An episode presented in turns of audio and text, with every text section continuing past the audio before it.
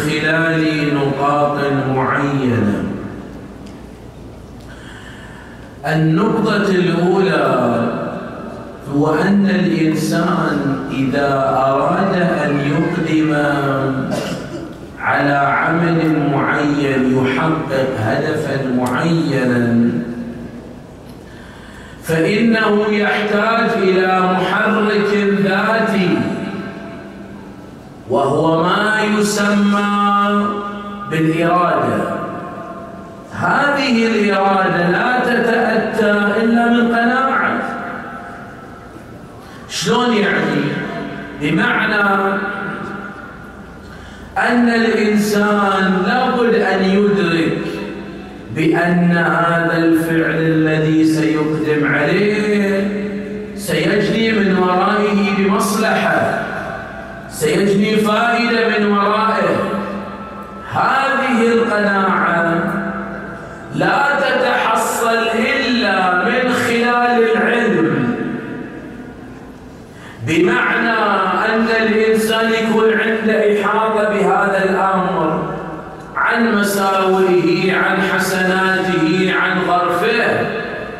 مثلا أنت الآن تريد أن تشتري بيت مثلا أول شيء حتى يكون عندك عزم وإرادة محرك داخلي لازم عندك قناعة بأن هذا البيت في مصلحة راح أستفيد منه أو لا زين هذه القناعة تأتي من خلال ماذا؟ دراسة الوضع موقع البيت مثلا الجيران للبيت مساحة البيت طريقة تصميم البيت وهكذا.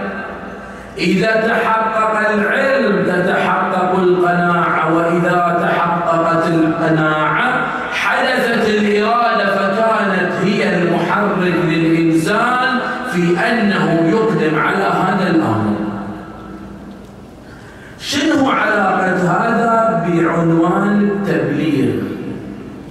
التبليغ هو الذي يحقق العلم. شلون يعني؟ يعني مثلا أنت الآن هذا البيت اللي ستشتريه تروح تسأل أصحاب التجربة يكونون هم بمثابة المبلغين لك اللي ينقلون لك العلم المعلومة عن هذا الأمر. هنا تكمن عنوان التبليغ لذلك يصنفون العلماء والقادة والزعماء بأن مهمة التبليغ تلعب دورا مهما في التسلط على المجتمع والفرد وتسيير المجتمع بحسب ما يريد المبلغ. هذا نابليون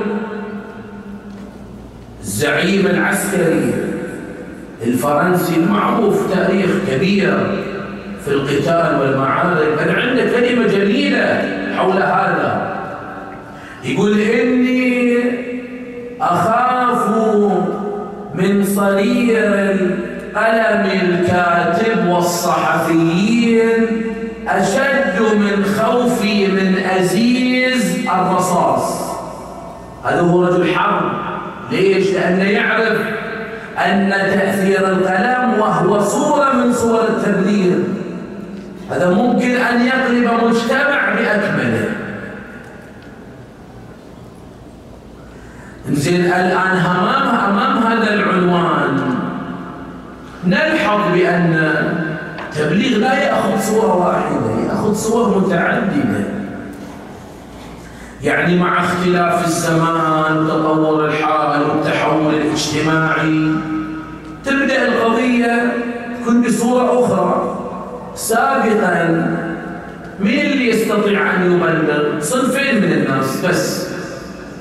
اللي يملك قلم يعني يستطيع أن يكتب ومن يملك حسا خطابيا.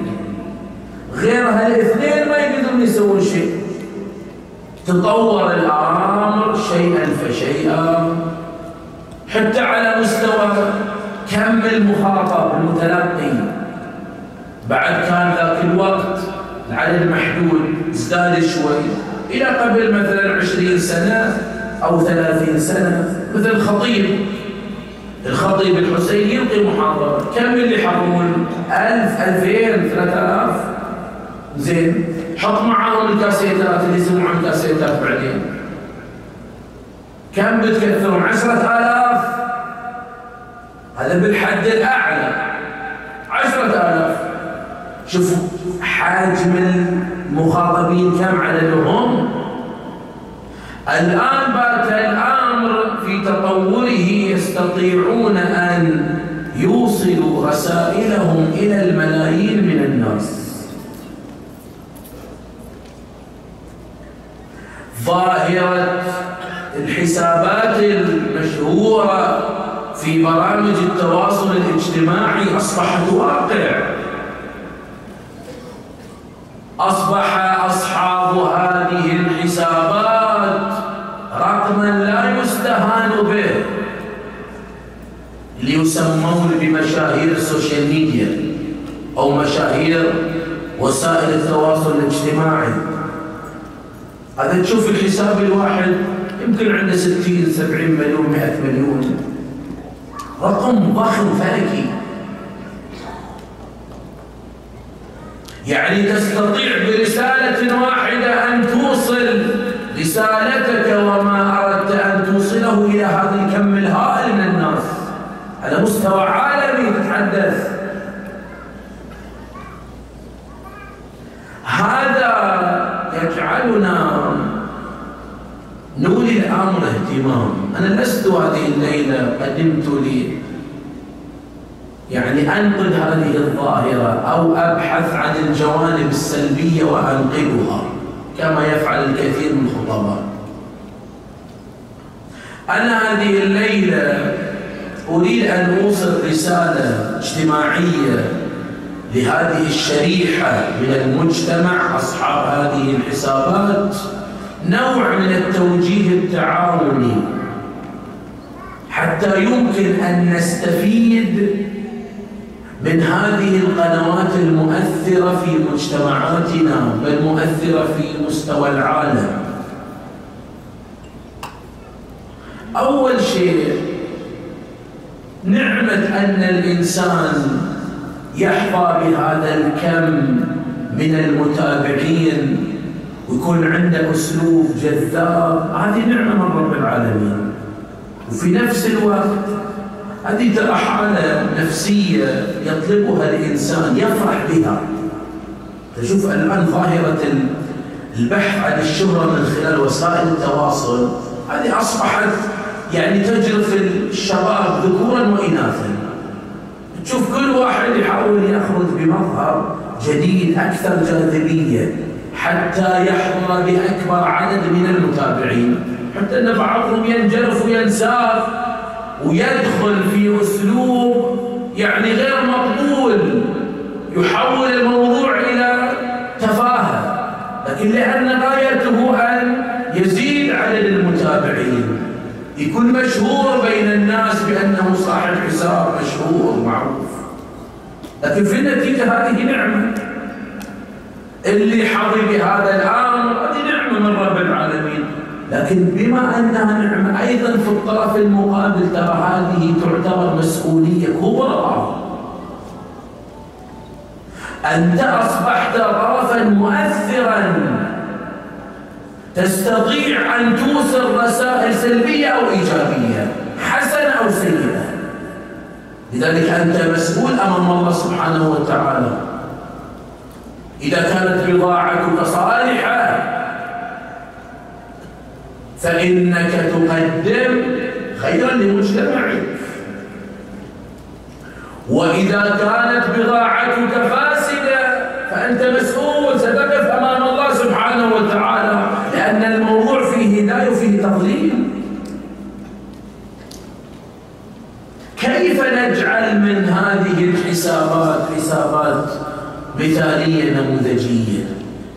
كيف يمكننا أن نحقق النفع من خلال هذه الحسابات وهذه الظاهرة؟ يمكن أن نركز على جانبين. الجانب الأول هو الجانب المعرفي لأصحاب الحسابات. الجانب العلمي. شلون يعني؟ مو شرط أن يكون علمي يعني بالجانب الديني لا أعم من الديني شوف أصحاب الحسابات نصنفهم ثلاث أصناف. عندنا حساب التجاري الربحي اللي يبحث عن أرباح. هذه الفئة وهؤلاء مؤثرين ترى. هؤلاء يحظون بمتابعين بالملايين. ما يمكن أنك تغفلهم ولهم يعني رسالة ستتضح من خلال البحث. الصنف الثاني أصحاب الحسابات التطوعية أو الاجتماعية أو العلمية. وأيضا هؤلاء شريحة كبيرة. ورقم لا يمكن أن يتجاوز. عندنا الصنف الثالث وهم أصحاب الحسابات التافهة. اللي ما فيها فائدة ما فيها ثمرة ما لها قيمة أصلا. غاية وغرض أنه يضحك الناس يجعل من نفسه ضحوكا ليش؟ بناء أن هدفا يجذب الناس أكثر. هذا الصنف الثالث خارج حديثنا ما نتكلم عنه. كلامنا في الصنف الأول والثاني.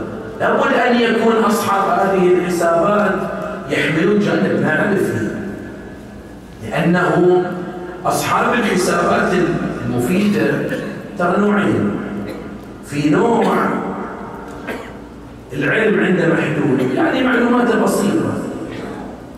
وهذا وهؤلاء الصنف هذا يستخدم بضاعة لمن لا بضاعة له. ما عنده إلا المعلومات الدينية. ما عنده غيرها يقوم ياخذ له حديث بعده يعرض الحديث مثل ما هو بس يعرض الحديث يقول ما في مشكلة. كل واحد يفهم الحديث من جانب. لكن يجي ويعلق على الحديث ويستظهر فيه المعنى. تعال شوف. شلون فهمه الخاطئ ويعرضه على الناس على أنه فهم الرواية. يحصل له سؤال في حساب في الانستغرام واحد يسأله سؤال فقهي. بيفتي. وتعال شوف التخبيط والتخبيص. أصحاب الحسابات طيبين في نيتهم لكن تصرفهم خاطئ. الدين مو بضاعة لمن لا بضاعة له. الدين له ناس أهل الاختصاص. لابد أن تملك مستوى من المعرفة حتى تتصدى لهذا الشأن. هالصنف من الناس. تشوف هذا مشكلة مو في الدين فقط. يوم يجيب معلومات دينية. ويوم يحول على المعلومات الغذائية ويوم ينتقل على المعلومات الرياضية ويوم في السياسة. ما تحصل عنده هدف واضح. يريد أن يملأ الوقت يملأ الحساب وكفى أي طريقة؟ هؤلاء مساوئهم مضارهم أكثر من منافعهم. وهؤلاء يفتحون باب لغيرهم. لأنه يجيب معلومات خاطئة. تجي إلى الصنف الثاني وهم الذين يملكون اختصاص علمي. يعني مثلا رجل الدين عالم في الدين يجيك واحد طبيب مثلا. متخصص في الطب مثلا في طب الأسنان. جميل يكون عنده حساب يعطي نصائح توجيهات في هذا التخصص. يجي واحد أخصائي تغذية مثلا. جميل يقدم معلومات مفيدة مثمرة نافعة في تخصصه. يجي واحد موجه أسري مرشد أسري يعطي مجموعة من النصائح والتوجيهات في تخصصه. هذا الصنف أنا أحترمه احترام كبير لأنه ما يتعدى على غيره. هو صاحب تخصص. أصلا هذا الصنف يصحح المعلومات الخاطئة الذي روج لها الصنف الأول. وهذا دور مهم. لذلك هؤلاء تأثيرهم تأثير كبير. وأنا أشجع أصحاب التخصص على أنهم ينشروا المعارف الذي التي قد تعلموها في دراستهم وفي جامعاتهم. هذا فرصة أن تنفع الغير. وكثرة هذه الحسابات تحجم الحسابات الغير موجهة. القضية صراع إعلامي. أنت عندك كم هائل من التنوع. إذا ازدادت جهة نافعة ذات قيمة يكون هذا يحجم الطرف الآخر. هذا النقطة الأولى. النقطة الثانية حتى نتحول إلى حسابات نموذجية مثالية خادمة نافعة معرفتك بالجانب المخاطب. يعني لابد أن توزن ما يصدر منك بمعنى أنه ليس كل ما يعلم يقال. ولا لأي أحد يقال. بعطيك مثالين مثلا يجيك واحد افترض مثلا درس كتاب عقائدي عقلي مثلا يناقش بعض النظريات أو بعض الأطروحات مثلا الحالية. يجي في الحساب اللي فيه القاصي والثاني اللي عنده مقدمات واللي ما عنده مقدمات. ويطرح بعض الإشكالات التي يتبناها مثلا الملحدين.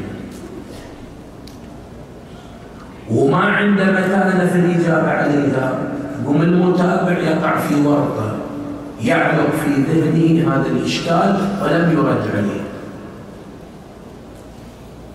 هذا ما يقدر ما يطرح وما لا يطرح. تجي مرة ثانية لا. تجي موجه مثلا أسري ليس من المناسب أنك تتحدث أمام الملأ جميعا في مثلا ما يرتبط بعلاقة الزوجين في العلاقة الخاصة. لأن إذا تدرك أن في من يتابعك من هو دون العمر المناسب لهذا الطرح من غير المناسب أنك تعرض هذه المعلومات ولا تتسبب في مشكلة. إذا تقدير الأمر هذا جانب مهم. كيف نسخر هذه الطاقات؟ في خدمة المجتمع وفي الرفع من شأن مجتمعنا ومستوى المجتمع. شلون يمكن استثمار هذه الفرصة التي أتيحت لنا في هذا الزمن. إحنا المشكلة عندنا أنه الإحساس بحاجة المجتمع إحساس ضعيف. يعني نتصور إحنا أن المجتمع حاجته محدودة. مثلا حاجة مادية. بينما الأمر أوسع من هذا. إحنا عندنا لغة معاصرة مهمة مؤثرة جدا. شوف أنا ممكن أجلس معاك 45 دقيقة إلى ساعة أتحدث عن موضوع معين. أخذ من وقتك ساعة. لكن ممكن يكون مجموعة شباب متمكنين إعلاميا في إنتاج الأفلام القصيرة ويسوون لي فيلم مدته خمسين ثانية. رسالته أبلغ من ساعة أنا أتحدث فيها. هذه قدرة قوة. إذا ما تسخر هذه الطاقات لمجتمعك لمن ستسخرها؟ لذلك أنا أخاطب هؤلاء المشاهير في برامج التواصل سواء كان أصحاب حسابات تجارية أو تطوعية. أقول لهم اجعلوا لمجتمعكم مساحة في قنواتكم. أنت عندك منبر يخاطب الملايين من الناس الآلاف من الناس. اجعل مساحة أسبوعية شهرية. تناول أهم القضايا التي تمس المجتمع. يعني اجعل عندك مثلا في الشهر في الأسبوع مادة توعوية مثلا أعطيك مثال. انشر بين الناس بأسلوبك الجذاب بطريقتك التي جذبت الناس. ادعو الناس إلى الاهتمام. بقضية التبرع بالدم طيلة السنة. هذه خدمة إنسانية وطنية فيها أجر ومثوبة إحساس بالغير. بكرة ممكن أنت تحتاج إلى الدم. هذه ثقافة موجودة عندنا. متى تنشر عندنا في أيام عاشوراء؟ في بعض الفعاليات. بينما القضية مفتوحة طوال السنة. أعطيك مثال آخر. مثلا الاهتمام في كيفية التعامل الصحيح مع بعض العاهات التي أصبحت منتشرة عند كثير من أبنائنا منذ ولادتهم. مثل أطفال المنغولية مثلا. مثل الأطفال الذين مصاب الذين قد أصيبوا بالتوحد. هذا مرض صار يفتك في أبنائنا. صار منتشر بشكل كبير. وإذا تريد أن تعرف شوف انظر كم من المراكز خلال ثلاث أربع سنوات قد افتتحت في منطقتنا. كلها تعني بهذا المرض. لماذا لا تخصص مساحة؟ حول التوعية بهذا المرض ما هي أسبابه مناشئه؟ ما هي الخطوات الوقائية التي تبعد أي مولود أن يصاب بهذا المرض؟ هذا يحتاج إلى تكاتف اجتماعي. لا يكفي تلك الإعلانات التي تكون في أروقة مثلا المستشفيات المستوصفات. ما يكفي. إذا مو جميعنا نهتم ترى من أهم المشاريع نأتي إن شاء الله في ليلة من الليالي راح نتكلم عن عمل الخير وهذا المفهوم الرائع الضخم اللي المفترض أنه يسلط الضوء عليه. قضية ترى مو قضية خدمة الناس في الحسينية ومسجد لا. عندك مشاريع مهمة جدا المجتمع في حاجة إليها. أمثال هذه الأفكار الهموم الاجتماعية تحتاج إلى تكاتف الجميع. أعزائي الشباب اللي عنده ملكة التصوير وموهبة التصوير لا يستهين بهذه الموهبة. واللي عنده قدرة على أن ينتج فيلما قصيرا لا يستهين بهذا الأمر. واللي عنده موهبة كذا وموهبة كذا لا يقصر في خدمة المجتمع والقنوات. تحتضن قنوات اجتماعية تحتضن أمثال هذه الطاقات وإلا كيف نرفع بمستوى مجتمعاتنا إلى مجتمع واعي؟ هذه خدمة إنسانية. قد علمنا إياها الحسين. تأمل في مواقف كربلاء مواقف عاشوراء. حسين رسم لنا دروس في التعامل الذي يكون مليء بالأحاسيس والمشاعر بالغير. يقابل الحسين ألف فارس. يعني فارس بفرسه ولاحظ أن الحسين مطارد مهدد بالقتل يعني كان الظرف ظرف حساس جدا.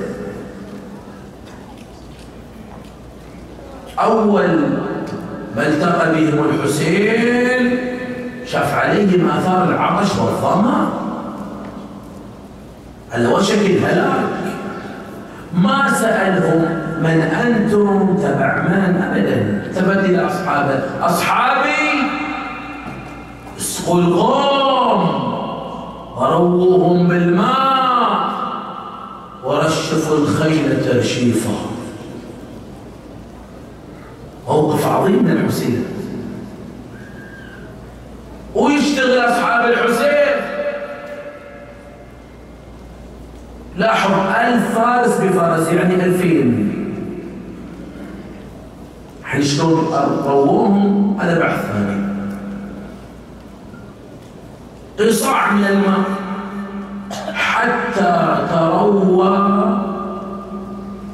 أولئك الفرسان. بعدين الحسين التفت إلى قائدهم. ما اسمك يا عبد الله؟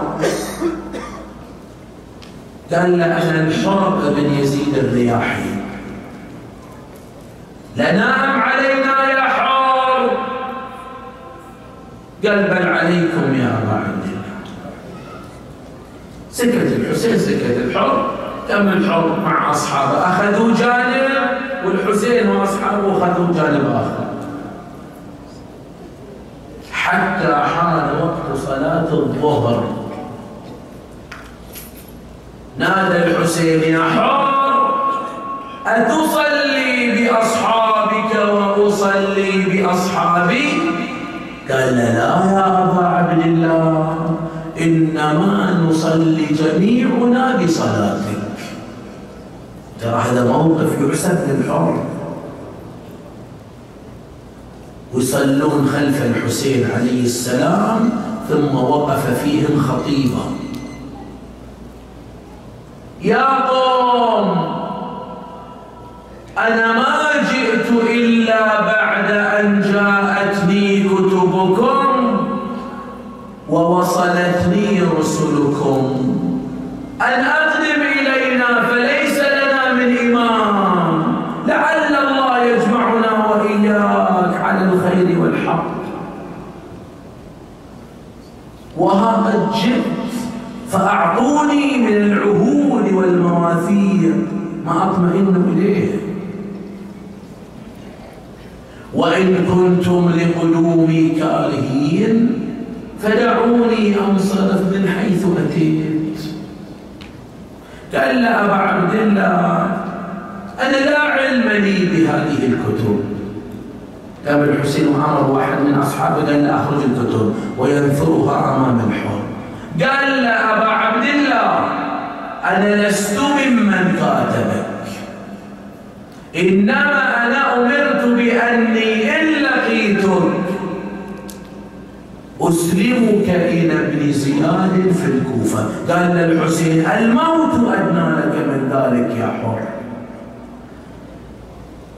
يأمر الحسين رجاله أن تستعد الضعين ويستعدوا لإكمال المسير.